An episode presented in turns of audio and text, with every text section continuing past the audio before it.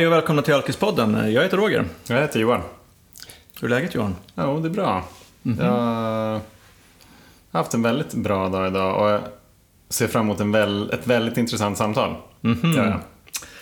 Det känns jävla skönt att du tycker om att prata med mig fortfarande. Ja, vem hade kunnat tro det? Ja. Efter, efter all denna tid. Ja, fast det är inte bara jag här idag. Nej, jag är ju här också. Ja, att- det är jävla tur det. ja. Men, men det, det är inte bara vi här idag. Nej. Utan vi har faktiskt en, en gäst eh, Ja. med oss. Vad heter vi. du? Jag heter Jesper. Välkommen Jesper. Ja, Tack så mycket Jesper. Roger. Spännande att ha dig här. Mycket trevligt att vara här. Ja, vi har, ju, vi har ju träffats lite grann tidigare och diskuterat ett tag att du ska vara med här i podden. Ehm, Äntligen blir det av. ja, äntligen blir det bra. Ehm, vem, vem är du? Jag är en eh, missbrukare först och främst. Eh, tillfrisknande vill jag väl gärna se mig som. Eh, jag är i 40-årsåldern och ja, jag vet inte. Jag har en liten familj som består av min son och en flickvän. Och jobbar som tatuerare. Och dabbar lite med all möjlig annan typ av konst vid sidan av och sånt där. Spännande. Du, eh, vi, vi som sitter här, jag och Johan, vet ju att du har ju varit nykter i ungefär sju månader. Faktiskt idag, sju ah, månader sju på dagen. månader. Grattis! Grymt, grattis. Tackar. Ehm, Så att eh, jag är jättenyfiken på, på att höra lite grann om eh, hur, ja, hur de här sju månaderna har varit. Börja gärna i början. Och sluta när jag kommer fram till slutet. ja, typ. Ja, det har ju såklart varit en, en väldigt omtumlande period. Ehm, Den tog ju sin början när, ehm, i februari där, när jag hade någon typ av krasch. Och ganska snart så stod ju allting klart för mig. Omfattningen av mitt missbruk och mina problem. Och någon slags plan började ta form vad jag kände att jag ville göra och vad jag var, var beredd att göra, givetvis. Ehm, Det är väl kanske inte så himla många som helt och hållet omfamnar tanken på att sluta missbruka efter ett, ett halvt liv och testa att inte göra det. Vad, Så, tänk, vad tänkte du alltså, då när du insåg att du var tvungen att fatta det beslutet?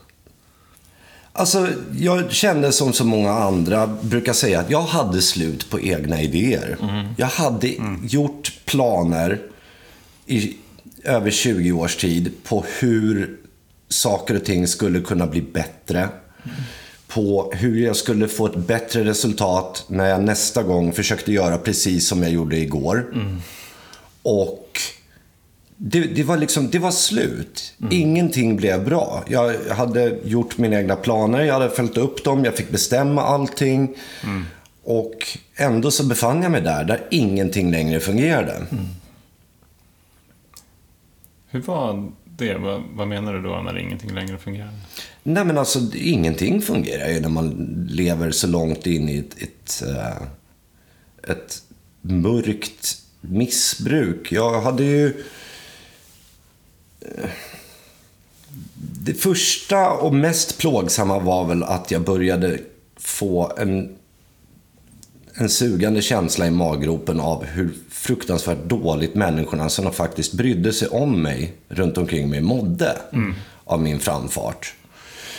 Ehm, vissa kanske hade försökt tala med mig lite grann om det genom åren. Ehm, ibland i någorlunda öppenhjärtiga samtal, ibland i sådana typer av frågeställningar som jag kunde undvika genom att ducka en smula. Ehm, Vad kunde det vara för frågeställningar då? Ja... Alltså, alla vill väl veta varför man är en jävla blådåre. Liksom. Det är så här... Jag... Jag tyckte ju inte att mitt liv var kaos. Utan att mitt kaos var mitt liv. Liksom. Ja, det. Ehm, jag tyckte inte att sådana jobbiga saker som hände mig hela tiden var så jobbiga. Jag kunde inte ge konsekvenserna det utrymmet för då skulle jag bli tvungen att tänka i nya banor. Så att allting jag ställde till med var jag ju tvungen att borsta av mig. Det, det var, jag var ju tvungen att leva som att det var business as usual. Att bli för full alldeles ensam ute på Arlanda fast jag hade gott om tid till planet och missa mitt plan till Dublin för att sen bli tvungen att köpa en ny biljett en timme senare. Liksom, och sånt där. Det... Sådana här saker gjorde jag ju liksom hela tiden och jag blev tvungen att utåt sett och även inför mig själv så var jag tvungen att normalisera allt sånt där. Liksom. Saker som gick sönder, saker som försvann bråk, konflikter, alltså alla slitningar. Det, det, var ju sånt som jag blev tvungen att acceptera som en del av min vardag och försöka låtsas som att det egentligen inte var så farligt. Mm. Så det första man, jag, eller jag gjorde i varje fall, det var väl att jag började ta in att att jag lever ett högst onormalt liv. ett eh, väldigt extremt liv i hög hastighet, präglad av allting som kommer med ett, ett, liksom, ett helt vettlöst missbruk. Och kolla på människorna runt omkring mig, försöka försöka hitta fast mark under fötterna. Liksom, och, mm och börja sätta ena foten efter den andra och, och lista ut hur det alls ska gå till att hålla sig nykter. Mm.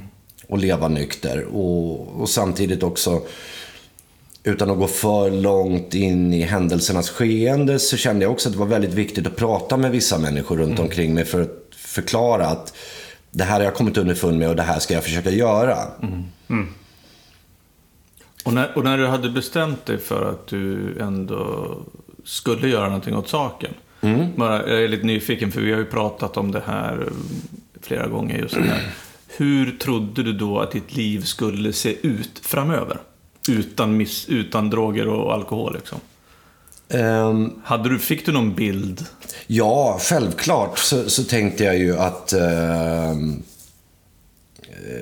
jag var helt inställd på att, uh, precis som jag hört Johan säga i tidigare avsnitt i varje fall, att jag, jag räknade med att livet skulle bli tråkigt. Uh. Ja, men alltså inget pris var ju egentligen längre för högt att betala för att uh. slippa fortsätta. Så det är klart jag tänkte att mitt liv skulle bli tråkigt. Um, jag skulle leva ett liv helt och hållet utan några som helst typ av kickar. Mm. Mm. Det skulle kanske möjligtvis betala sig i lite lugn och trygghet och stabilitet. Men den stora vinningen såg jag ju kanske inte för egen del utan mer för människorna runt omkring mig. Mm. Um, men det skulle bli tråkigt. Det skulle bli osexigt. um, händelselöst. Mm. Och på det stora hela bara, ja men så som jag själv upplevde de få dagarna jag hade mellan tillfällena då jag söp och knarkade. Mm. För det var ändå det som markerade höjdpunkterna. Ja, ja, och höjdpunkterna kom ju så ofta och var så många så de vart ju liksom en slags vardag. Ja. Men däremellan så hade jag ju såklart, som alla andra, någon, någon, dag eller två när jag faktiskt bestämde mig för att typ inte gå ut. Mm. Uh, och jag tyckte det var oerhört tråkigt. Jag förstod, jag förstod överhuvudtaget inte vad normala människor gör. Mm. Jag kommer ihåg att det var, det var någon som, som frågade mig ganska tidigt också. Liksom, hur det var innan jag slutade. Det var så här, ja men alltså det, var in, det jobbiga var inte att dricka. Det jobbiga var att, att inte. Alltså mellan tillfällena. Det var ju då som, som, eh, som det var ohanterligt. Mm. Mm. Det är en jätteviktig poäng tycker jag. För att jag såg inte heller riktigt att det var liksom själva festerna som var liksom de negativa konsekvenserna utan måendet däremellan. Mm. Jag måste kunna mm. hantera Jo, um, jo så var det ju. Och sen så föregick ju den här första tiden i den riktiga nykterheten, som jag vill kalla det för, uh, föregicks ju av ett halvår året innan. Mm -hmm. Då jag okay. också levde helt nykter under ett par månaders tid. um, främst i syfte att, att, eh, att återfå min flickväns förtroende för mig. Och det var ju bara plågsamt. Det, det, var ju det var en fruktansvärd tid. Att gå omkring och känna att jag var tvungen att sköta mig. Och, och jag tänkte ju på alkohol hela tiden såklart. Um, så den tiden, det var väl lite vad jag föreställde mig att så kommer resten av mitt liv bli. Mm. Å andra sidan så hade jag ju bara ställt flaskan åt sidan. Jag gjorde ju inga övriga kraftansträngningar alls mm. att leva nyktert. Mm. Ja, precis. Vi har ju tidigare pratat om skillnaden mellan att vara spritfri och vara nykter. Eller att liksom vara på vita knogar. Den är enorm. Ja. Den, är, den, är som, den är nästan lika stor som att leva nykter och, och leva full. Mm. Nästan, tycker jag. Ja, vad hände sen då? När du satt där den lysande framtidsutsikt. jag tycker det... Välkommen till det tråkiga livet, äntligen ja, kan det börja. um, jag tycker nog kanske inte att jag fick så tråkigt. um, Nej. Det... Um, jag fick ju... I den, i den eh, vägen i min nykterhet som jag har valt så, så har jag ju alltså eh, anslutit mig till eh, ett program. Mm. Och jag, jag har en, eh, en vän som vägleder mig så att säga i, i det jag bör göra.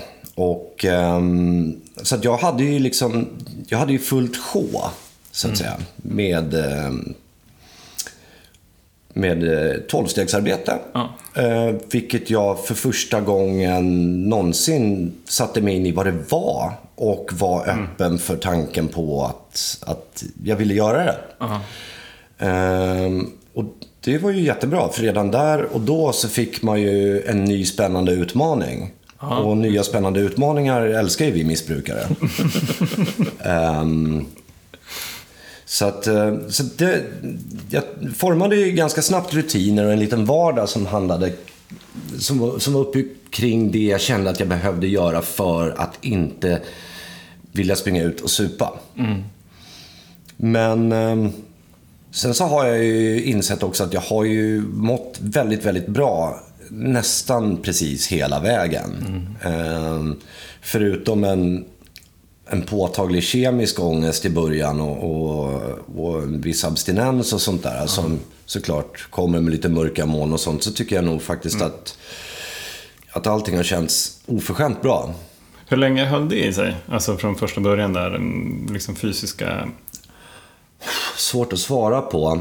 Um, jag kom ju ut ur en synnerligen hård period just där och just då. Eh, så att jag tror att eh, rent fysiskt så mådde jag nog inte så himla bra under åtminstone två veckor. Mm. Mm. Mm. Någonting sånt. Ja, men liksom mellan tummen och pekfingret. Ja. Eh, men sen började ju bra, bra saker hända. Såklart. Och... Vad var det till exempel? Då? Vet du, jag kan inte omedelbart svara på det. Jag, jag tycker att när korten väl låg på bordet så tycker jag ju att jag först och främst fick fantastiskt stöd från första ögonblicket av min flickvän och min son. Mm. Eh, de var jag ganska snabb med att inbegripa i vart jag befann mig och vart jag hoppades att jag var på väg. Mm. Ja, det. Eh, och det mottogs väldigt väl. Eh, så det kändes ju väldigt skönt. Men sen tyckte jag liksom att ja, men, att vardagen bara belönade mig med små, jag vet inte, små uppmuntrande tecken liksom. Mm. Jag, jag, kände att det var någon slags karma in the works liksom, ganska ja. tidigt. Och mm. bara försökte koncentrera mig på att göra bra saker, att vara lite mera positiv i mitt tänkande och lite behagligare att befinna sig i mitt sällskap och sånt där. Mm. Och jag tyckte allt det där spred sig som ringar på vattnet ganska påtagligt redan från allra första början. Det är, det är jävligt häftigt. Det är kul att höra och det är jävligt häftigt att tänka sig just att de här, de här grejerna som du säger, att som guldkant i vardagen och att man eh, känner att man börjar må bra. Och att det kan gå ganska fort alltså ifrån ett läge där man ändå eh, först kanske är förnekelse eller man vill inte sluta. Och sen plötsligt så bestämmer man sig för att ja, jag vill betala ett jävligt högt pris. Jag, jag får leva liksom resten av mitt liv i någon typ av, av alltså någon tråkig jävla dimma. Men det är värt det. Tills att det ganska snabbt ändå kan, kan svänga till att ja, men fan, jag börjar uppskatta det här och jag mår bra och det känns bra och jag kanske till och med liksom blir lycklig. Men det är ju ett fantastiskt utgångsläge egentligen. Om du står inför en prövning, en, en, liksom en, någonting som du känner att du måste göra med så extremt låga förväntningar. Som att jag, jag, jag går in i det här nu. Det här känner jag att jag måste göra för mig. Jag måste kunna ge det här till min familj, till mina vänner, till alla människor runt omkring mig. Men först och främst till mig själv. Och det här kommer göra mig ledsen och uttråkad resten av mitt liv. Jag menar, det går ju inte att bli besviken i en sån situation. Allting utöver det är ju en fantastisk bonus. Det är liksom... Det finns ju ingenting man inte gläds åt med de förutsättningarna. Ja, det är så jävla skönt att upptäcka, inse nu att jag mår bra därför att jag har lurat mig själv. Ja, ja men det är alla, alla sätt är bra utom de dåliga. Ja, fan vad grymt. Det är liksom superbra input till någon form av så management-litteratur kring så här förväntningar och mål. Det är så här, låt allt hopp fara. Och sen så får du se liksom. På tal om, på tal om det, så och låga förväntningar. Ja. Så, så, Så bjöd ni hit mig. Vart vart har han den här tråden? nej, så, så vet ju vi, så vet, så har, vi har ju pratat tidigare om att du, du var ju absolut emot och trodde aldrig att du skulle få några nyktra vänner. Berätta mer om det. Hur, Oh, hur gick ja. det tycker du? Nej, men... ehm, alltså, först och främst så har jag ju genom åren haft en del vänner som har försvinn, försvunnit iväg till, eh, till tolvstegsprogram och, och, och liknande. Sånt där. Um, och hur mycket jag än tycker om dem så, så kan det ju vara så liksom att eh, människor som man har sprutat champagne och dragit ladd med och sånt där. Det är klart man kan tycka att de kanske blev lite torra sådär. eh, beroende på vart man själv befinner sig någonstans. Nej men... ehm, jag, jag förstår ju liksom att det här är någonting som man måste göra och göra till 100 procent. Eh, men det var väl för mig bara en fråga om att hålla fast vid någonting.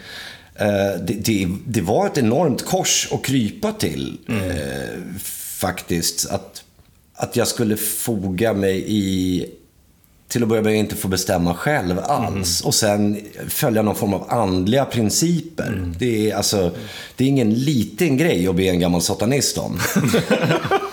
Ehm, Vad är en, vad är en andlig princip för dig? Till exempel?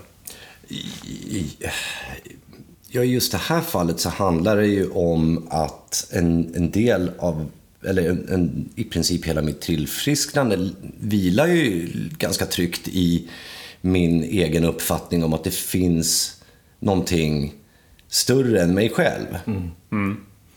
Eh, en tanke, eller ja. Vi, vi kommer lite på ett stickspår där. Vi, vi, jag kan gå in på det mer sen, men ehm, innan vi lämnar det där om de nyktra vännerna så var det ju så att jag såg ju framför mig att min väg ut i nykterheten skulle ju... Jag skulle ju ändå själv få bestämma exakt vad jag ville göra och med vem och vart och allting sånt där. Och det, det är klart att jag fortfarande rår över det, men jag såg framför mig någonstans liksom att ett, ett gäng gamla trötta före detta missbrukare som sitter tillsammans och, och med näsan i kaffet och pratar om fornstora dagar och hur kul de hade liksom när de festade förr i tiden. Och en slags bitter uppgivenhet. Det. Och, men det, det bottnade ju också i mina förväntningar på vad ett nyktert liv skulle vara. Jag trodde ju att jag skulle vara bitter över att ha lämnat mitt missbrukarliv bakom mig. Och att jag skulle umgås då med människor som känner sig lika bittra över att de nu måste leva nyktra och att göra det kollektivt. Alltså, jag kunde inte tänka mig något mer deprimerande. Så att min tanke var ju såklart att eh, när, när det kommer till liksom eh, gemenskap i gruppen och möten och allting sånt där som, som är liksom de vanliga återkommande inslagen så tänkte jag att jag ska nog hitta något sätt att fortsätta vara en, en ensamvarg på och hålla mig undan. Och om någon försöker bli kompis med mig så ska jag bara dansa ut till vänster. Liksom. jag vill inte... Uh, Vad var det som hände då?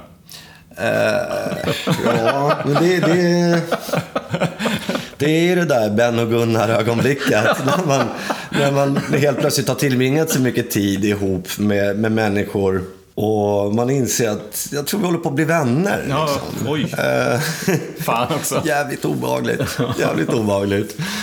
Uh, jag kan ju tycka nu att det var oerhört fåfängt av mig såklart. Uh, att, att man kommer från missbruk och delar en, en önskan att, att få leva ett gott nyktert liv är ju såklart en fantastisk grogrund för att lära känna människor. Att man också delar någonting som är så, så, så viktigt och djupt för en. Mm. Det vet jag att vi pratade om någon Ja, gång. att när man träffar nya människor. Hur lär man känna en ny människa? Hur, vad, Mm. vad kallpratar man om den första stunden? Hur tar man varandra på pulsen? Jo, man pratar lite om vad den andra jobbar med. Man pratar lite om vart de bor någonstans. Bostadssituationen i den här stan är alltid intressant att diskutera. Och lite hur deras familj ser ut och sånt där. Eh, medan däremot att, att lära känna andra missbrukare på det här sättet, det är ju att komma från precis diametralt den andra riktningen. Det. man, man möts i, egentligen i sitt livs största nederlag. Där alla vi har någorlunda gemensamma erfarenheter.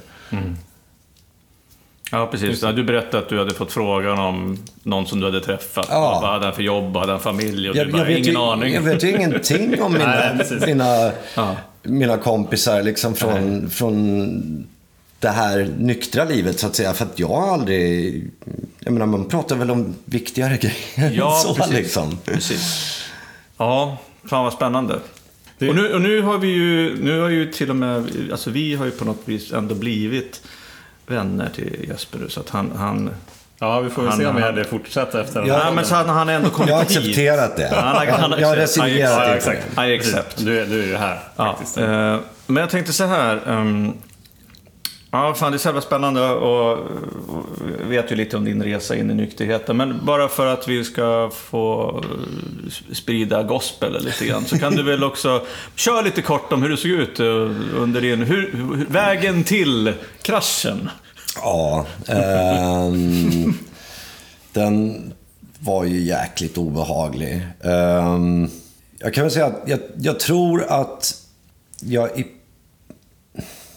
Ja, vart ska jag börja? Alltså allting, allt mitt missbruk tror jag bottnar i att jag aldrig har känt mig egentligen bekväm med mig själv. Eh, eller andra människor runt omkring mig. Och det blev tydligare för mig med åren. Där, där min missbrukskarriär förmodligen tog start på ganska liknande sätt som många andra. Att Det handlade om socialt umgänge och det handlade om att ro, vara roligt. Liksom. Och Saker man gjorde tillsammans för att ha kul och känna en, en hög stämning. Liksom. Så, så blev det för mig allt tydligare, eh, särskilt de sista mörka åren, hur otroligt ointresserad jag var av att umgås med någon överhuvudtaget. Ehm, det kunde vara liksom från bara att, ehm, att några polare till mig skrev i slutet av arbetsdagen att de satt någonstans i närheten av min arbetsplats och tog en öl ute i solskenet och undrade hade jag inte lust att komma förbi och sitta och snacka lite skit. Och det lät vid första anblicken trevligt, men så tänkte jag efter och bestämde mig ändå i nio fall av tio för att nej, jag åker hem, till, åker hem till min lilla förort och sätter mig på bykrogen där ingen känner mig, ensam med mina hörlurar på. Jag sökte mig till jag sökte mig till ensamheten och jag sökte ju till någon form av Alltså där missbruket skulle utplåna känslan av att vara mig själv ett tag. Ett kortare tag eller ett längre tag. Och um, på slutet gick allt väldigt, väldigt, väldigt fort. Ehm, Det, det, från att, tycker jag, ha studsat tillbaks lite grann förr om åren, där jag liksom har gått igenom hårdare perioder som har avlösts av några perioder som är inte riktigt lika besinningslösa, så blev den sista biten av spiralen, den, den var så spikrak liksom. Och um, ja, men jag vaknade varje dag, um, tog en dusch, gjorde en kanna kaffe, kollade mig i spegeln och hatade mig själv. Och hatade personen som tittade tillbaka på mig. Jag stod och tänkte framför spegeln, kanske i olika formuleringar, men alltid i princip samma tankar som upprepades. På att det var, alltså, det här var inte vad jag skulle göra med mig själv. Det här var inte vad jag skulle bli när jag blev stor. Ja, just. Sen är det såklart att en jävla massa härjande har ju varit väldigt kul. Man har ju massor med roliga upplevelser som man delat med människor och, och mysiga stunder för all del också. När jag inte har varit helt vansinnig och bara suttit som de flesta andra normala människor och tagit ett glas vin med min tjej. Men det här pratade hon och jag faktiskt om häromdagen när vi snackade hemma lite grann om sjukdomsbegreppet.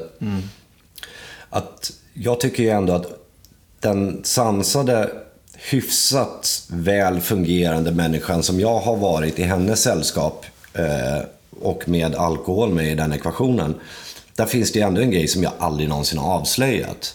Och det är att när som helst, vid vilket som helst av de här tillfällena, så hade jag ju kunnat fortsätta dricka och fortsätta dricka hur länge som helst Ja. Om en människa som man älskar och som man vill försöka vara en bra person inför och man lever med ett fruktansvärt dåligt samvete över att man är en pundare och en alkoholist. Eh, säger att ja, men det kanske räcker efter det här. Vi, vi öppnar inte en flaska till. Så är det såklart att jag säger nej, nej det blir bra. Jag, jag tycker som du. För jag har inte heller alkoholproblem. Men innerst inne så känner jag liksom så att vi hade kunnat dricka oss igenom ytterligare tio flaskor. Jag, hade inte, jag hade inte stannat om jag inte gjorde det för att rädda mitt ansikte i situationen. Hur kändes det då när du, när du liksom var, var tvungen att stanna drickandet? Alltså, jag tyckte inte att det var ett stort bekymmer. Eh, det, var, det, det var inte jobbigt. Jag menar, vi hade ju som sagt var, alltså, massa andra roliga saker för oss hela tiden och sånt där. Och, och drack ju ytterst sällan tillsammans egentligen. Men, men det är som sagt var mer känslan av att det var, det var ju aldrig jag som bestämde liksom, när det var nog. Och, och det var ju tur det, för för mig fanns det ju ingen nog. Eh, Men lyckades du liksom ändå hålla, hålla igen alla gånger? Du hittar inte på strategier för att kunna så fördricka eller smygdricka eller efterdricka? jag Eller... behövde ju inte det. Nej, alltså, okej. vi, vi bor ju inte under samma tak. Nej, just det. Så att jag hade ju jag hade ju den ventilen ändå att en, en lugn och skön helg och ha det skitmysigt och astrevligt och allting var kanon och solen sken. Det gjorde ju också sitt till. Det, jag menar, det, det, var ju, det var ju sådana stunder som jag kände att det är en sån här person jag vill, vill vara. Just Jag förstod bara inte hur jag skulle kunna bli det med sprit inblandat. Nej. Alltså, jag, jag som alla andra, jag drömde ju om att knäcka koden. Ja. Jag tänkte en vacker dag så sitter vi här och tar varsitt glas vin och jag kommer vara nöjd med det. Jag kommer tycka att, nej, det, vet du vad, ett glas räcker fint. Liksom. Jag var ju helt övertygad om att på något sätt så måste det gå att komma dit. Men, men det insåg jag att det gör det ju inte. Eh, ja, jag, har, jag har två frågor egentligen. Mm, eh, så brukar jag alltid säga, och så kommer det bara en fråga.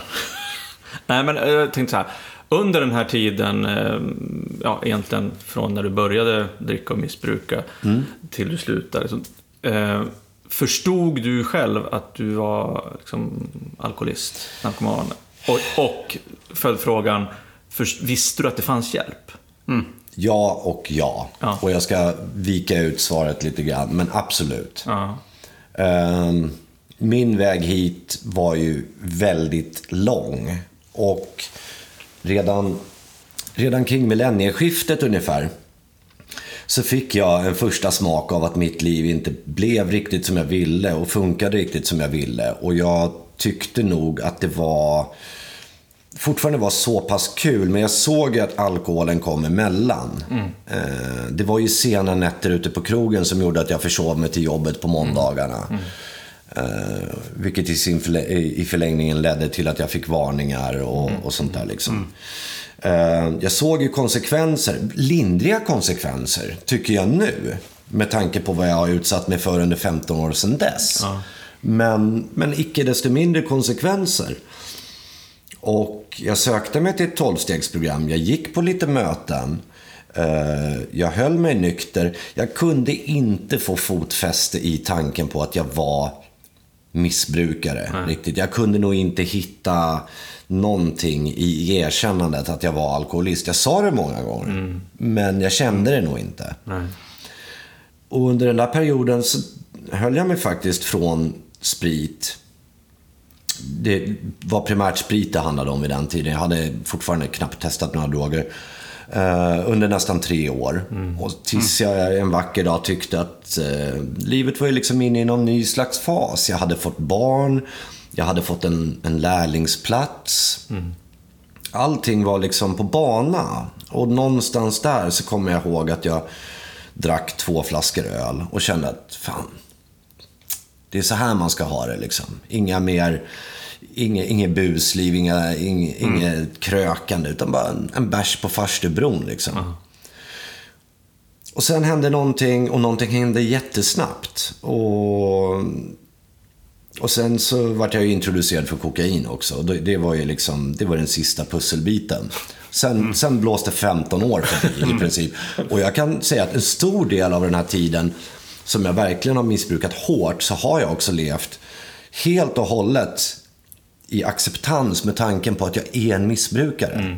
Jag köper det rakt av, den kliniska beskrivningen. Men jag tyckte inte att, alltså för mig var inte det ett slutgiltigt svar. Det var så här, ja jag är alkoholist, ja jag är en pundare, men en sen då? Ja. Ja, just det. Alltså, kan inte det få vara okej? Alltså, allting annat, jag menar... Jag, jag driver ett företag och du vet, jag bor schysst och jag tycker jag har pengar att göra det mesta som vanliga människor gör och åka på semester och hitta på roliga utflykter med min son, vad det än må vara. Allt det här gör ju jag. Så att jag kan ju inte vara helt hjälplös, tänkte jag. Nej. Just det. Ehm, och jag vet att jag dricker mer än andra. Jag vet att jag drar en massa cola, men jag menar... Men tyckte du att du hade kontroll? Eller sket du i det också? Jag eftersträvade nog inte så mycket kontroll. Jag, jag, som sagt var, där kommer ju det där med konsekvenserna in lite grann. Vid de tillfällena då jag absolut inte hade någon som helst kontroll. Så vart det ju liksom mer det här läget att shit happens. Men det här är inte det där livet jag har bestämt mig för att leva. Ja. Eh, Och någonstans så trodde jag väl ändå att, eller jag ville tro att det positiva uppvägde det negativa. Men jag har ju levt väldigt, väldigt länge, för att besvara din första fråga, med insikten att jag är en missbrukare. Jag har inget problem med att acceptera den tanken och jag hade inget som helst problem att acceptera den tanken för sju månader sedan när jag gav upp. Nej. Och vart hjälpen finns, absolut. Mina fragmentariska upplevelser av tolvstegsmötena i början av 2000-talet kände jag inte så mycket ifrån. Men jag har ju flera vänner runt omkring mig som har varit nyktra och drogfria länge. Eh, Jag har, innan jag kom dit, jag har stor tilltro till tolvstegsprogrammet. Jag visste vart det fanns och helt ärligt så kände jag nog att jag vet vart, vart jag kommer sluta. Vägen är utstakad. Från där jag är nu så kommer det bara bli värre. Det är en kamp mot klockan. Vi får se hur länge jag pallar. Men det kommer sluta med att jag blir tvungen att ge upp allt. Vilket låter lite motsägelsefullt eftersom jag säger att jag samtidigt tänkte att jag skulle försöka knäcka koden. Men jag vet inte, det var väl kanske bara någon vacker dröm liksom. För att den, den, den djupa insikten om i exakt hur dysfunktionell jag faktiskt är, den, den har funnits där länge. Och likaså vart hjälpen finns att få. Vad var skillnaden då? Alltså, om du hade insikten om sjukdomen. Du menar nu och Ja, nu. för Precis, om man jämför nu och, förra gången? och då liksom. Nu och då. Alltså när du var i ett tolvstegsprogram förra gången? Ja, precis. Fast det, det går liksom inte att jämföra riktigt. Jag, jag ser inte... ehm, ja, för mig var det liksom, jag gick på lite möten för att jag hade någon luddig uppfattning om att jag drack för mycket, men kanske ändå inte. Ja, Eh, programmet sa mig ingenting, jag hade, jag hade ingen sponsor, jag intresserade mig överhuvudtaget inte för några andra mötesdeltagare eller... eller Man vill det- inte skaffa nyktra polare. Nej, verkligen inte. verkligen inte. Nej, men så för mig så handlar det om två helt olika verklighetsuppfattningar. Eh, det intressanta kanske nu, eh, om vi blir lite mera, såhär, prata konkret kring eh, just 12-stegsprogram och sånt, vilket jag upplever att det gör, så kan jag ju säga att jag visste vad det gick ut på tidigare, men för mig nu, för sju månader sedan, så kände jag att jag hade jag visste vad jag väntade mig när jag kom dit, men jag visste inte hur det skulle kännas. Och det kändes verkligen som, ja, Ja, okej. nu. Nu är jag mottaglig för det här. Jag har hört det sägas, jag har hört det rabblas. Jag har böcker hemma som handlar om det här. Jag har varit nyfiken på, på tillfrisknande till och med, medan jag har varit så otroligt galen. Ja. Men nu kunde jag kliva in på ett möte och känna att idag handlar det här om mig. Nu, nu är det jag. Jag är här. Och så här blev det. Jag visste att det skulle bli så, men framtiden är här nu. Liksom. Just det. Ja, för det där, är ju- vi har ju pratat om det där att, att ja, slå i botten. Liksom. Mm. Och att det är eh, ja, individuellt och olika och man kan göra det flera gånger. Och Och absolut kan, nödvändigt. Ja, fast, Eller man, man, kan, man kan behöva slå i flera gånger. ja.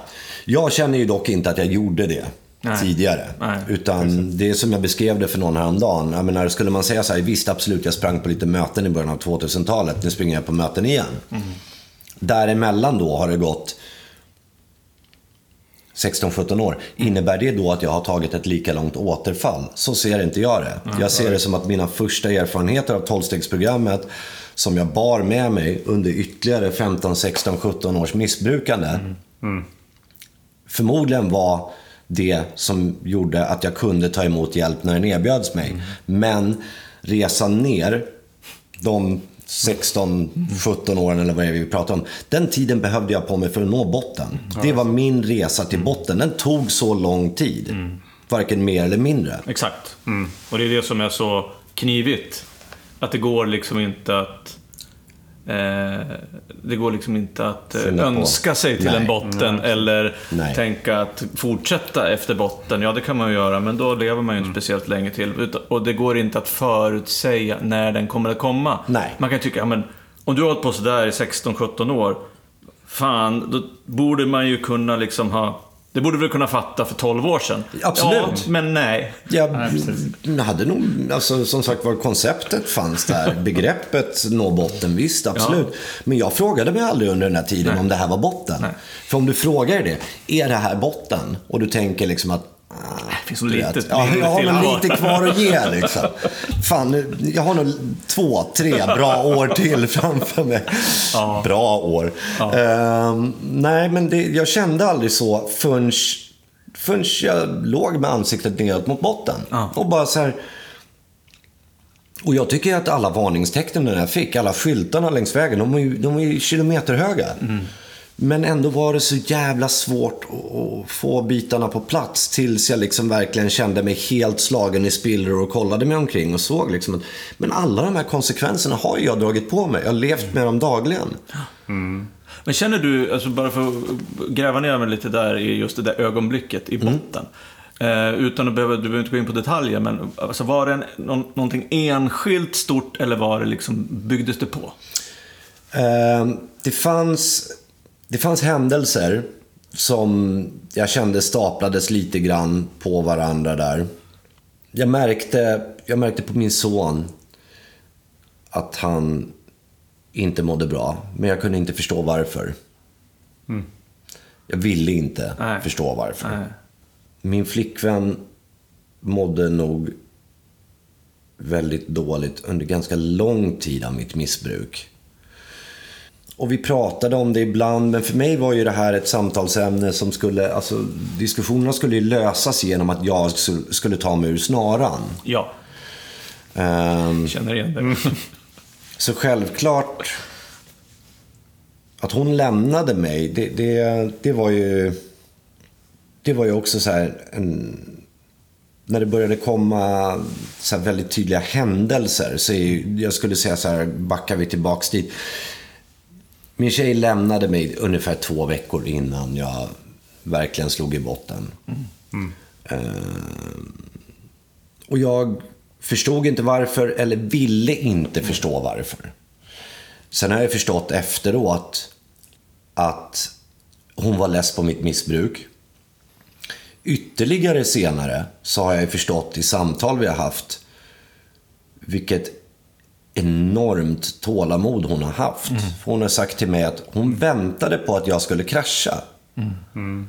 Alltså utan några som helst garantier att jag överhuvudtaget någonsin skulle ta mitt förnuft till fånga så väntade hon på att jag skulle krascha. Jag tycker den tanken är rätt fascinerande. Ja, verkligen. Det är helt otroligt. Ja. Men, men det vart några spikar i kistan. Um, ingen av oss mådde bra runt omkring mig. Uh, inte jag heller. Min tjej lämnade mig. Och då, då, då hade jag liksom nått, tyckte jag, helvetets nedersta krets. Men där drog jag ur proppen och fortsatte lite längre ner till 13 dagar. Uh, utan uppehåll.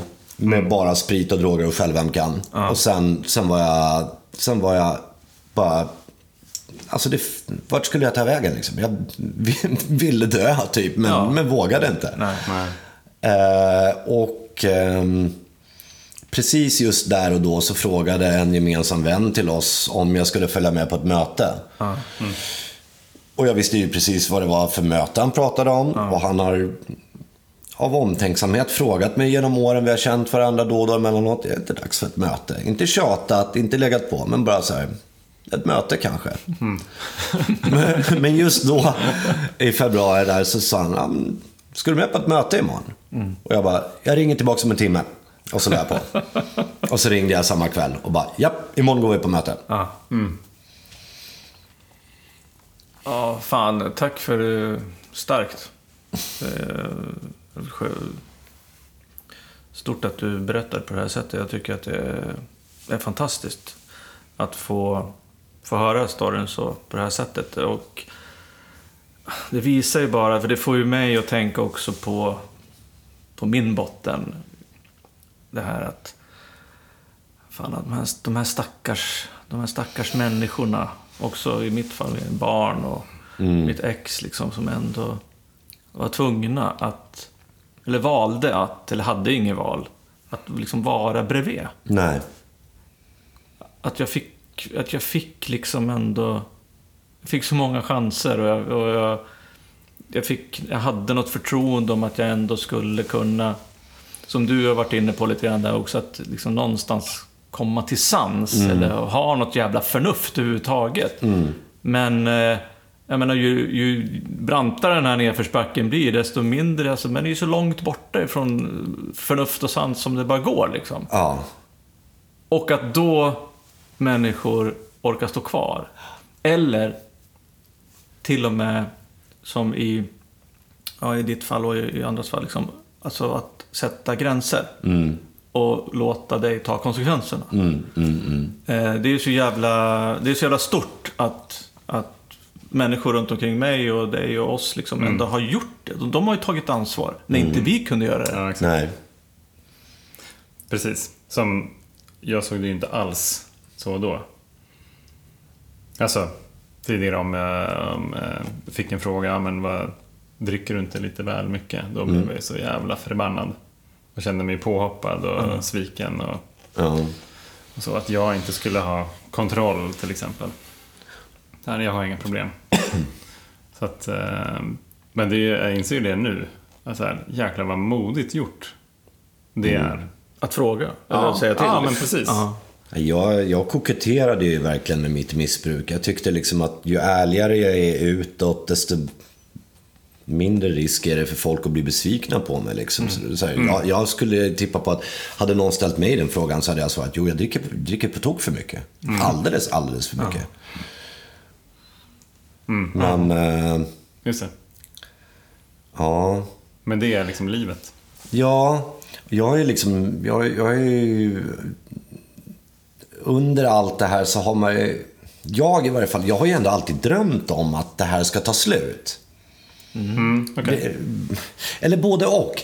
Eh, Jag har varit livrädd för att det ska ta slut, såklart. Jag har önskat att det kanske inte ska behöva sluta med eh, en krasch och leva nykter och, och allting sånt där. Det, var kanske inte mitt första val.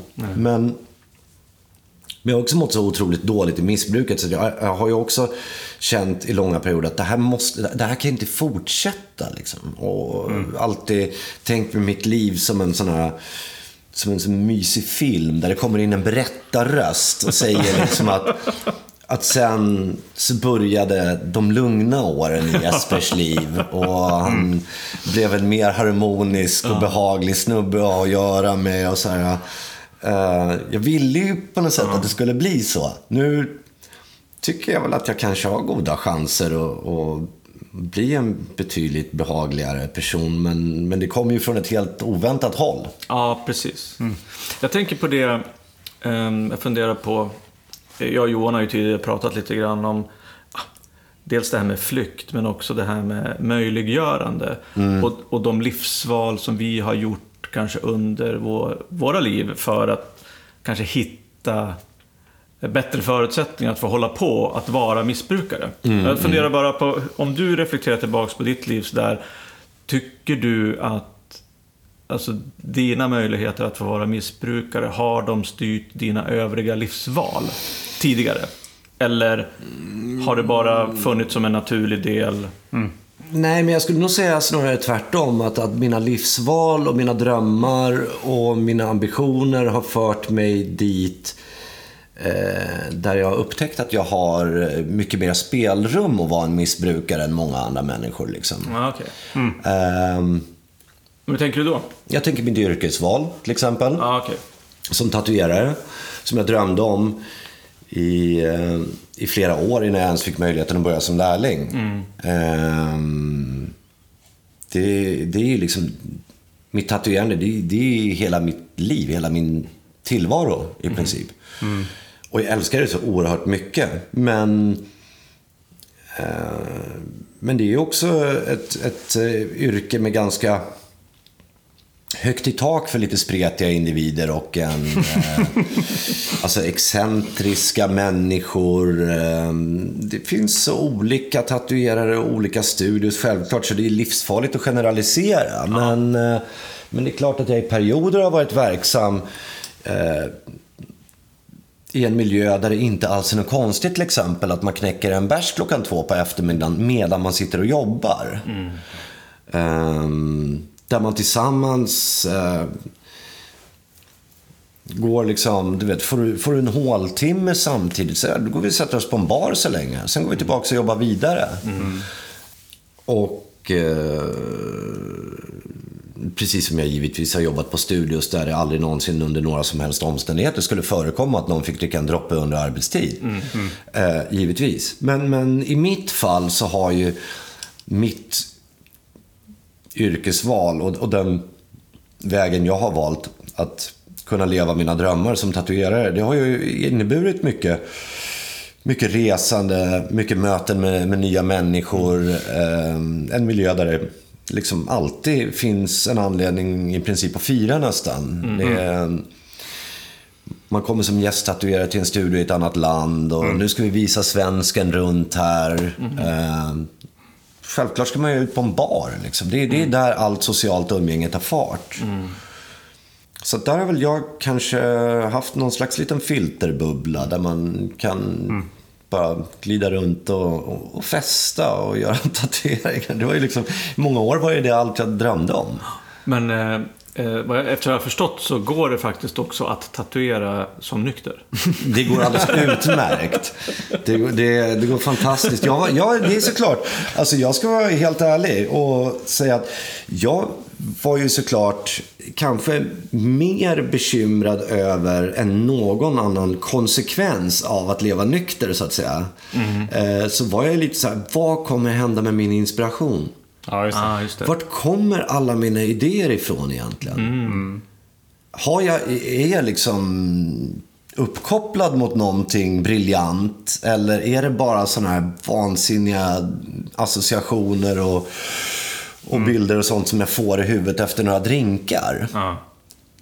Jag var klart vaksam eh, i början och, och faktiskt bekymrad över vad som skulle hända med min inspiration. Ehm, och det hade jag inte behövt oroa mig för alls, för den finns ju kvar där nu eh, med råge. Men jag har sett ett litet annat sätt. Nu pratar jag liksom inte så mycket bara just om tatuering, utan det som jag lägger resten av dygnets vakna timmar på, till exempel när jag målar hemma och sånt där. Ja. Eh, där behöver jag lite mera... Det kommer inte riktigt lika naturligt längre. Alltså förut, det gick, det gick liksom att skapa förutsättningarna för att sätta mig ner och måla någonting jävligt häftigt på 30 sekunder.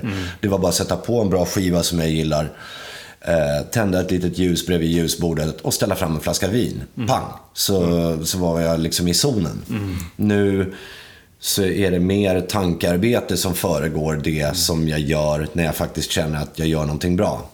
mer planering, mer disciplin och framförallt att försöka hitta en ro som jag aldrig har haft. Och som också är en viktig anledning till allt missbruk. Liksom. Jag har ju inget som helst tålamod. Liksom. Vad heter det? Jag tänkte på... um, Vi hade ju en valspecial här och pratade lite grann om hur vi gjorde val när vi var aktiva och hur vi gör val idag. Mm, mm. Ehm, vad, vad tänker du där? Liksom, hur ser det ut för dig idag jämfört med hur det var förut? Jätteintressant. Alltså jag har förändrats otroligt fort i en annan riktning. Eh, Som sagt var, jag, är, jag har lite kort tålamod. Eller just inget tålamod alls egentligen. Ehm, Jag är väldigt impulsiv. Jag har alltid litat på min magkänsla. Och det har ju gjort att jag har ju aldrig... Jag har aldrig övervägt några val överhuvudtaget. Men jag har alltid tänkt att jag inte behöver det. För det som jag inte kan... Det val som jag inte kan fatta ett förnuftigt beslut i på fem sekunder. Det kan jag heller inte fatta ett förnuftigt beslut i på fem dagar. Nej. Jag, har- jag har litat så blint på min magkänsla och det är klart att jag har gjort eh, väldigt många dumma val. Fler än de flesta kanske. Ehm, men jag har blivit nästan min egen spegelbild där liksom, fast motsatt. Jag har blivit otroligt långsam. Ah, Eh, jag tänker att jag ska ta mig tid. Eh, jag har fått, fått råd att... eh, min sponsor har sagt att han, han tycker liksom att får jag en, en förfrågan om någonting som jag känner att jag behöver fundera på så ska jag liksom aldrig känna mig pressad och leverera ett svar där då överhuvudtaget utan alltid sova på det. Annat. Men det där sprider sig också som ett gift i kroppen efter ett tag. Liksom. Jag börjar bli så här nu att jag pratar till och med långsammare än vad jag gjorde förut. Jag tänker nog i samma tempo men jag är väldigt försiktig och eftertänksam innan jag öppnar käften, innan jag fattar beslut. Kommer på mig själv allt oftare med att säga att Vet du, jag, kan, jag tror inte vi kan prata om det här just nu. Jag måste tänka lite mer. mm. Hur känns det då? Nytt, spännande och fantastiskt. Ja. Faktiskt. Men hur är det med magkänslan nu då? Får den inte något utrymme? Oh jo, absolut. absolut. Men den, den får också en, en karantän. jo, men alltså, jag fattar alla mina beslut med magen. Ja, ja, ja, okej. Alltid. Men, men, men nu är det så här, om jag tycker någonting känns förträffligt så överväger jag det ett par timmar eller någon dag eller två. Eller, jag menar, ni vet ju hur, hur, hur lång tid jag tog på mig att besvara er förfrågan om att vara med i den här podden. Sant. ja, det är sant faktiskt. Det, det var ett par veckor som jag behövde på mig för att kunna svara att jo, för fan, vi kör. så att eh, nu för tiden så tar jag mig mycket mera tid att fatta beslut, men, men det är ju kanske inte så mycket analys och sånt som ligger bakom, utan det är mer liksom bara att, att magkänslan ska få ta lite mera tid. Liksom. Vi har ju Ja, pratat lite, vi har pratat lite, um, lite kort förut om... eh, Alltså vi, och vi har ju berört det lite grann i dagens samtal också, lite grann det här om utanförskap. Mm. Mm. Eh, Du sa till mig tidigare att, eh, när vi pratade, att, att det var liksom en stor grej för dig både när du var aktiv, men, och då började vi snacka om det här med de nyktra kompisarna. liksom. hur, hur känner du kring det nu då, när du varit nykter ett tag, det här med utanförskapet? Känner du liksom att du...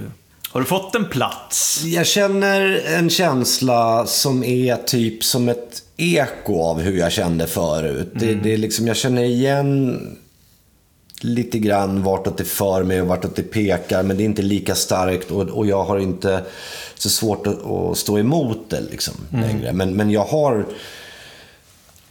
Jag har haft jättemycket kompisar genom åren och många väldigt bra kompisar. Eh, Jag är inte en, en klinisk ensamvarg i, i det avseendet att jag inte umgås eller pratar eller kommunicerar med andra. Men jag har ju alltid känt att jag har haft svårt för att samlas kring någonting i grupp och, och sånt där. Ehm, hur känner jag för det nu? Ja, men... Ja. Till, till att börja med så tror jag ju att jag är en person som kanske inte direkt avskräcker människor från att försöka ta kontakt med mig på samma sätt som jag gjorde förut. Ja, okej. Ehm, jag brukade älska att sätta folk på plats. Alltså om någon började prata med mig, det, det var det bästa jag visste. För att jag hittade nog någon svag punkt ganska snabbt. Och, och kunde liksom förklara för den personen vilken extrem jävla idiot de var. Eh, Mysigt. Ja, men det tyckte jag. Det gillade jag. Då blev jag ensam och fick dessutom utöva någon form av makt. Just det. Men det, det är lite paradoxalt det där. För att självklart så är det ju så att ehm, jag tillbringar ju mer tid ensam nu. Jag är ju fysiskt ensam. Mycket mer än jag har varit, tror jag, någonsin i hela mitt vuxna liv. Jag är ensam jättemycket. Men... Eller, jag är själv. Ja, men jag det. känner mig ju mindre ensam än vad jag har gjort på många år. Jag känner ju att jag har både nya och gamla vänner. Jag tycker om alla mina vänner. Jag tycker alla är jättefina. Och jag tycker jag får oerhört mycket stöd från, från gamla vänner såväl som nya i, i nykterheten. Men eh, ja, nej, jag känner mig mycket, mycket mindre ensam än vad jag har gjort på väldigt, väldigt länge. Men, men det som sagt behöver inte betyda att man tillbringar väldigt mycket tid tillsammans med andra människor. Jag tror att jag också har levt ett, jag har levt ett sånt liv som innebär att man har en hel del folk runt omkring sig. Och jag har varit avtrubbad så länge så jag har aldrig riktigt umgåtts med tanken på att jag kanske faktiskt tycker att det är ganska skönt att vara själv lite grann. Just det. Det, är också en sån här ny grej som jag har haft rätt mycket tid på mig att utforska det senaste halvåret. Att jag, jag kan uppskatta så fruktansvärt mycket på ett sätt jag aldrig någonsin trodde förut. Att bara komma hem och stänga dörren efter mig och sätta mig ner en stund. Och bara sitta tyst och fundera lite. Det var, ja, precis. Det har nog varit en av mina, liksom, det har, en av mina skräcker. Liksom. Alltså här, att så här, när, varje gång jag var själv så kände jag mig väldigt ensam. Förut. Och jag kunde känna mig ensam även när jag var runt folk. Mm, Så ja, här, ja, jag var absolut. liksom ute och Kanske kände nästan mig- mer då känner jag. Jag kunde fall. känna mig ensam. Men, så här, men, men det var... Ja, det, det är nog en av de grejerna som jag var mest rädd för och fortfarande är ganska rädd för. Det kräver ganska mycket träning för mig. Gör det. Mm. Och Så här, att träna på att vara själv utan att känna mig ensam. Mm. Men jag hittar några stunder nu där jag så här, åh, vad skönt. Mm. Att eh, sätta mig själv och bara känna in. Hur mår jag idag? Hur, var är jag, vart är jag någonstans? Ja, Meditera kanske. Sådär. Men, eh, men, men det var ju, för mig var det otänkbart förut. ja. Jag hade, ju- jag hade överhuvudtaget aldrig någonsin tyst förut. Nej, just- Lyssnade på musik hela dagarna på jobbet. På väg till och från jobbet lyssnade jag på musik i hörlurar. Så fort jag kom hem så satte jag på musik. Och, eh, och sen i slutet av kvällen kanske man somnar framför tvn. Liksom. Det var aldrig någonsin tyst. Och jag har sagt till alla i alla år att ja, men jag gillar att ha det så. Jag blir stressad när det är tyst. Men det kanske också kommer med, med något mått av sinnesro. Och kunna uppskatta att det är lite tyst och lugnt runt omkring en ibland. vad tänkte du Roger? Nej, jag tänkte på... Ja, när du sa sinnesro så började jag tänka på att vi, vi, vi duckade ju lite grann andliga principer här tidigare. Och så Ja, återkomma ja. till dem. Just det. Eh, och då pratade du om just det där att tro på någon, att det finns någon kraft som är större än dig själv. Ungefär. Ja, Så. Och eh, ehm, jag kan väl bara stryka under där liksom att eh, Alltså för mig handlar också det här med andliga principer, det handlar väldigt, väldigt mycket om att jag kan inte fixa mig själv. nej. Jag har inte den kraften. Nej. Därför att Gud vet att jag har försökt. Att trixa och fixa och försöka ändra på allting utom det som jag behövde ändra på. Så att därför att, så för mig handlar andliga principer väldigt mycket om att ja, men, försöka ta bort kontrollen. Att jag ska försöka fixa mig själv liksom. Utan be om hjälp. Eh, både, både till den här kraften som då är större än mig själv, men också till vänner och eh, familj. Och våga liksom, våga vara liten. och våga liksom be om hjälp. På det sättet. Sen har väl du kanske kan, eventuellt någon annan syn på den andliga principen? Nej, men det är alltså... Det, jag sammanfattade det väl så för mig själv och eventuellt er som var med där för runt en vecka sedan. Att ehm, alltså det, stod, det stod så klart för mig plötsligt att i mitt missbruk och fram till min krasch så hade jag ju fått kontrollera allting. Ja. Jag hade ju fått leka Gud. Jag var ju min Gud. I två decennier så styrde och ställde jag liksom över allting i mitt universum förutom vädret. Jag hade all kontroll. Allting styrdes av min önskan, mina impulser, mina lustar. Allting sånt. Och det förde mig till en punkt där jag kände att mitt liv bara var på en nollpunkt där ingenting längre fungerade. Så det är såklart att om man tänker så här, jo men jag ska fixa det här. Det är inte som att jag inte har ett facit på att jag inte kan fixa ett skit, eller hur? Nej, precis. Utan bara snarare, om jag försöker fixa det här så blir det värre. Ja. Ehm, sen är ju det där... ehm, ja, jag vet inte. Jag har ju väldigt svårt för, för begrepp som... Alltså, Gud till exempel. eh, får det ju att krypa i skinnet på mig. Eh, en högre makt har jag också svårt för. Men att det finns en kraft större än mig själv. Det, Jag menar, i slutändan kanske det bara är retorik. Men för mig är det, det är en sån förlösande fras. det. för där hittar jag fast mark under fötterna. Det finns någonting mer i verket än, än jag själv, mina önskningar och mina handlingar. Och när jag tar bort mig själv ur den ekvationen, när jag försöker styra saker i mindre utsträckning än vad jag skulle vilja. När mina önskningar får spela mindre roll och när mitt ego får en undanskuffad position. Så blir allting bättre. ja. Och för mig så, Så är det ju den där kraften större än mig själv. Jag, alltså jag var ju livrädd för allting sånt här också. Jag tänkte att jag menar, jag, fan, jag har inget sånt i mig. Jag är ju satanist och ateist, eller på att säga. Att, I andra ordningen. Eh, gudsförnekare, definitivt. Liksom, och sådär, i, I min default mode. Men det smög sig på mig och helt plötsligt så kände jag bara att det var liksom lika verkligt som allting annat jag ser runt omkring mig. Det finns en grej som är at work här. Ja. Och det är ju det här samtalet mellan missbrukare i tillfrisknandet.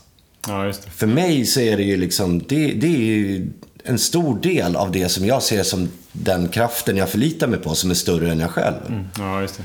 Mötet, liksom, samtalet. Ja, mötet, samtal. Alltså, vad är det för någonting som uppstår när vi sitter och pratar om någonting som vi alla tre omedelbart förstår vad det är för någonting? Ja.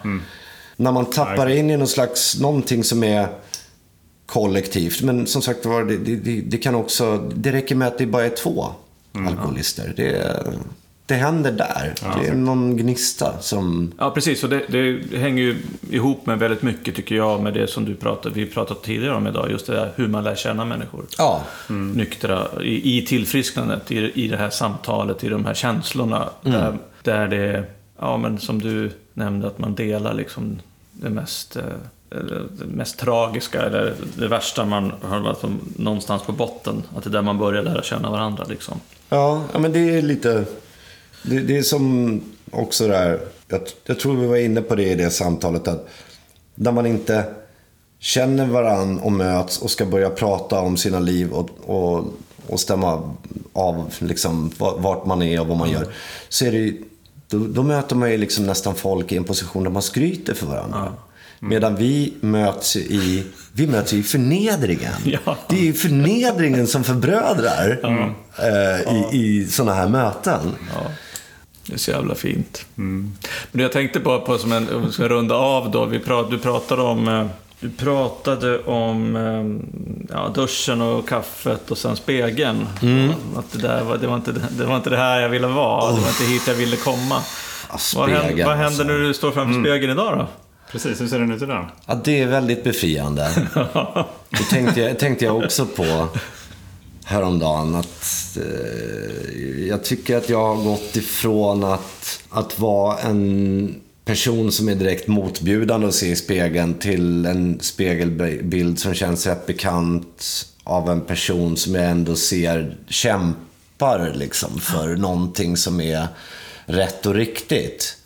Till att mer och mer anta skepnaden av en person som, om vi säger det jag är idag, där jag känner att, som faktiskt inte ens kämpar så mycket längre, utan bara, bara är. Mm. Tycker jag, en, en rätt, rätt okej, okay, ganska anständig person. Mm. Ja. Det, det, tycker vi med. Det kan vi det bekräfta. Så det, det, det är inte helt obehagligt det där ögonblicket framför spegeln längre. Vissa dagar är bättre än andra givetvis. Ja. Och, och sådär. Men, men överlag så tycker jag inte det fyller mig med samma obehag som förut. Ja, precis. Det finns väl både bra och dåliga dagar i nykterheten, givetvis. Klart. Men jag tänkte på en annan grej, också som en liten avrundning. Om du vill skicka med några kloka tankar eller tips, kanske till, eh, till de som... De som snabbspolar fram till det här. Precis. Uh. som kanske, jag vet inte, om man funderar på oh, ska, jag, ska jag våga ta klivet och bli nykter eller ja, jag kanske har problem men hur illa kan det vara? Inte vet jag. Gräset är grönare på andra sidan. Ja, precis. Eller, eller är det bara nattsvart där på andra sidan? En grå filt av, av tråkighet?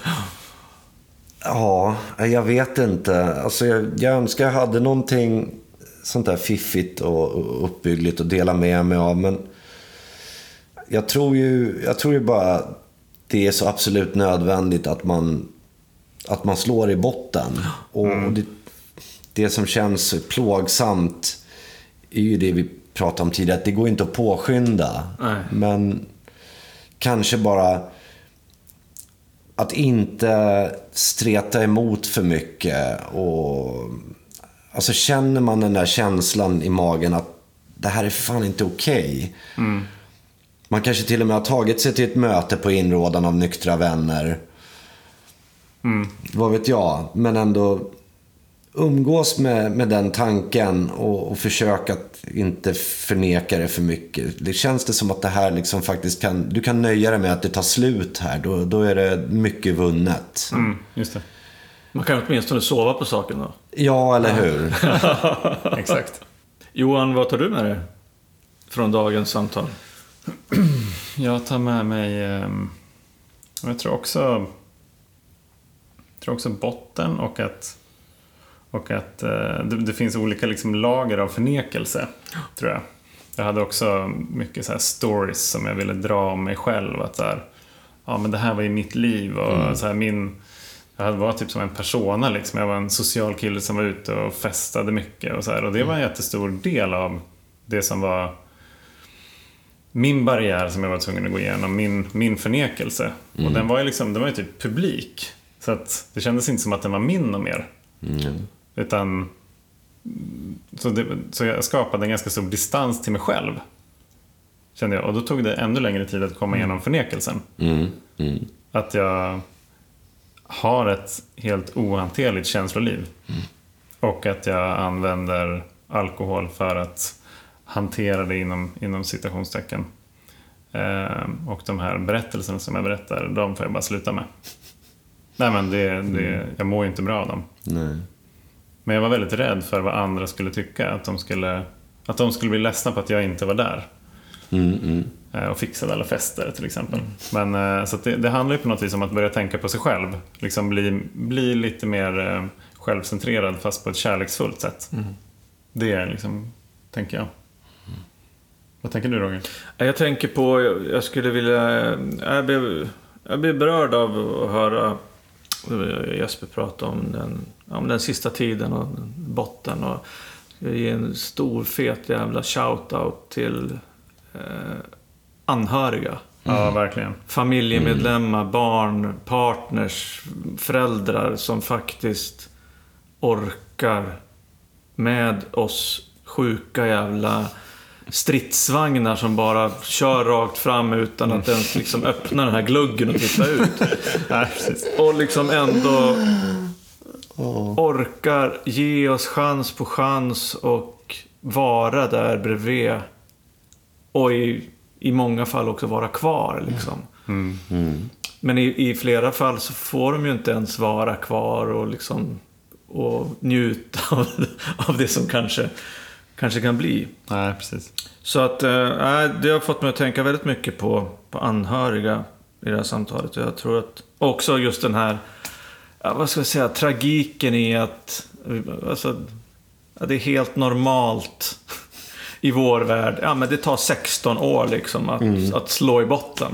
Och det är också, alltså det är, man tänker på det så, vilken fan, vilket... Ja visst, det har väl hänt jättemycket kul kanske, men ändå. Det, det, det tar tid ibland alltså. Det, så är det. Men, eh, Ta tid Tack. att bli villig att förändras. ja, absolut. Tack så fan för att du har pratat, varit med i vårt samtal idag Jesper. Har Stort tack själva. Sjukt kul. Mm, underbart Och, Jesper. eh, Tack. Tack. Givande. Och till er lyssnare. Vi ses väl... Ses gör vi inte, vi hörs. Det är en podd Roger. Ja. Ja, Vi hörs väl eh, nästa vecka? det är vi. Fredag kanske. Fredag. Ja, till exempel. Ja. Ha det så bra. Underbart. Kram. Hej då. Hej.